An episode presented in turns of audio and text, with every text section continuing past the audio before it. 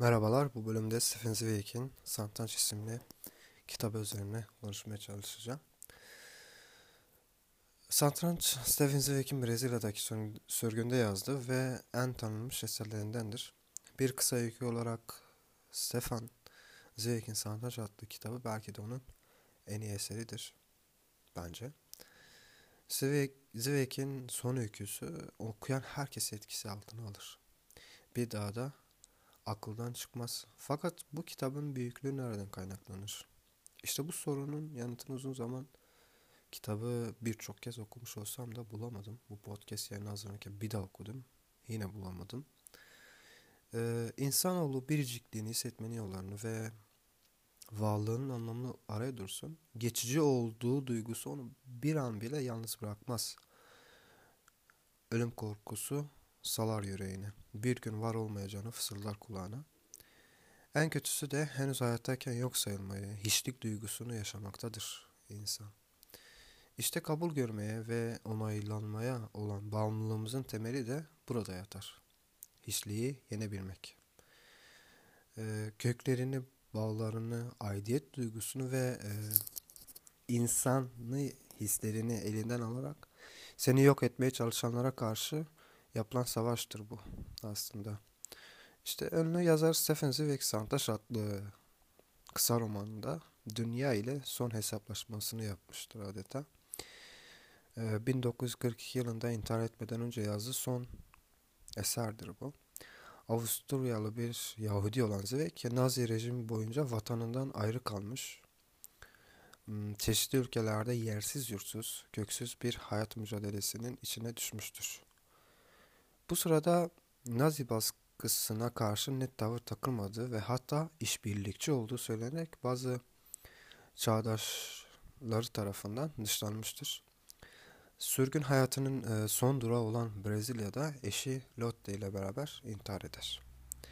Bu son onu evsiz bırakanlara ve sessiz kaldığı, kaçtığı için e, suçlayanlara verilen cevaptır. Santranç e, yazarın kendisini sürgün hayatı yaşamaya zorlayanlarla, pasif direnişini anlamayarak duyarsız sayanlarla, e, dünyayı cehenneme çeviren nazilerle ama en çok da e, kendisiyle hesaplaşmasını yansıtır. Uzun öykü veya kısa roman adı altında anabileceğimiz bu eşsiz eseri yazarın hayat öyküsünü de dikkate alarak okumak e, bence okurun alacağı tat ve anlamı artıracaktır. Hikayeye dönecek olursak bir vapurda geçer hikaye. İki ana karakter etrafında yer alır kurgu. Çentoviç ve Doktor B. İyi ile kötünün, siyah ile beyazın karşılaşması. Dünya santranç şampiyonu olan Çentoviç yetim kaldığı için bir papaz tarafından büyütülen zar zor okumayı öğrenebilen, zekası yetersiz, e, dünyaya ilgisiz, duygusal açıdan da oldukça sığ birisidir. E, başka tüm alanlara kapalı olan aklının satrançta inanılmaz derecede başarılı olduğu tesadüfen ortaya çıkar. Ancak kabalığı ve kültürsüzlüğüyle sadece paraya önem verir. Doktor B ise Avusturyalı bir avukattır. Nazi yönetimi tarafından saray ve kiliseden olan e, müvekkilleri hakkında bilgi edinmek amacıyla tutuklanır. Toplama kamplarına gönderilmez ama başka bir psikolojik işkence yöntemi uygulanır. O da hiçlik duygusu ile benliğini yok etmek. Tek başına yanına kalem bile verilmeden, insan yüzü görmeden bir otel odasında yaşamak zorunda bırakılır. Bir gün sorgulama için beklerken bir kitap çalar. Ee, bu kitap bir satranç albümü 150 ustanın oyunundan oluşan bir toplamadır. Ee, dünyaya tutunacak başka bir dal olmayan Doktor B bu kitaptaki her oyunu kafasında defalarca oynamaya başlar. Dünyası siyah beyaz taşlar üzerine kuruludur, kuruludur artık. Ancak aklını yitirmemek için sarıldığı bu oyun onu e, deliliğin sınırına getirir. Centovic ile Doktor B'nin e, satranç maçı anlatır kitapta. Zweig siyah ve beyaz taşların mücadelesi adı altında iyi ile kötünün savaşını yansıtmaktadır aslında. Bir anlamda e, Avrupa ile Hitler faşizminin musabakası da diyebiliriz. Zekası yetersiz olmasına karşın tek bir konuya odaklanarak e, kurnaz hamlelerle istediği zaferleri elde edebilme imkanını da yansıtmaktadır. Özünde iyi ve uysal olanın rakibinin e, yöntemiyle davranmaya başladığında nasıl da hırsa yenilebildiğini, renk değiştirerek kötücül hislere kapılabildiğini görürüz. Kötü olanın duygudan, duygusal tepkilerden uzak olduğu için e, soğukkanlı şekilde hükmedebildiğini fark ederiz. Neden santaş ile anlatılmaktadır bu özel rekabet peki? Yani sadece taşların siyah ve beyaz olması yeterli mi iyi kötü karşılığını vurgulamaya? Yoksa 64 kare 32 taş ile sınırlı gibi görünen oyunun akılda defalarca e, kurgulanabilmesi ve düşüncenin gücüyle e, sonsuzluğa uzanması bir etken midir? Yani zeki olmak kadar sabır, taktik, rakibinin zayıf yönlerini ve psikolojisini dikkate alarak bezdirme gibi faktörlerin her ikisinin de kazanmak için önemli olması bir neden midir?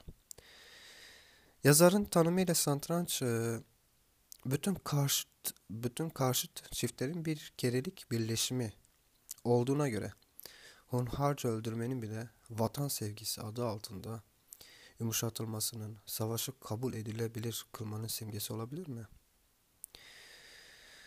Eh, bilmiyorum.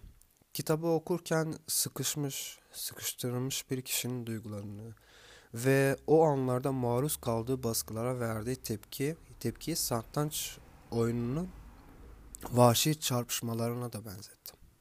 Büyük bir ikilemi, zıtlıkların birleşimini, dünya tarihini değiştiren oyun ve taktikleri sembolik bir dille kurgular Zweig eserinde. Eşsiz bir dil ve harika bir anlatım eşliğinde sunar okuruna. Usta yazarın veda mektubu belki de son dersi diyebiliriz bu kitaba. Bir solukta okunup bitirilen ama etkisi ve tadı sonsuza kadar büyüyen. Edebiyat e, insanda çok yönlü alışkanlık yapar. Bu alışkanlıklardan biri de bizatihi kitabın kendisidir. E, kitap görmeden, kitaba dokunmadan, e, kitap okumadan geçen günler sanki boşluğa geçmiş gibidir okuma alışkanlığı edilmiş biri için tabi. Ee, kitap bir fikrin, duygunun yazıya dökülmüş hallerin taşıyıcısı olurken aynı zamanda duyarlı bir nesne olarak insanın hayatının e, vazgeçilmezlerinden biri olabilir. E, kitapsız yaşamak kör, sağır, dilsiz yaşamaktır diyor ya Seneca. Aynen öyle. Kitabın sürekli olarak göz önünde, el altında bulunması bile insanda bir güven, bir huzur hatta mutluluk uyandırır. Yokluğu hayatın boşluğudur bence. Ee, böylelikle bu podcast'in de sonuna gelmiş bulunuyorum. Satranç okunması gereken bir kitap. Kitaplardan ayrılmayın efendim. İyi günler. İyi akşamlar ya da günaydınlar.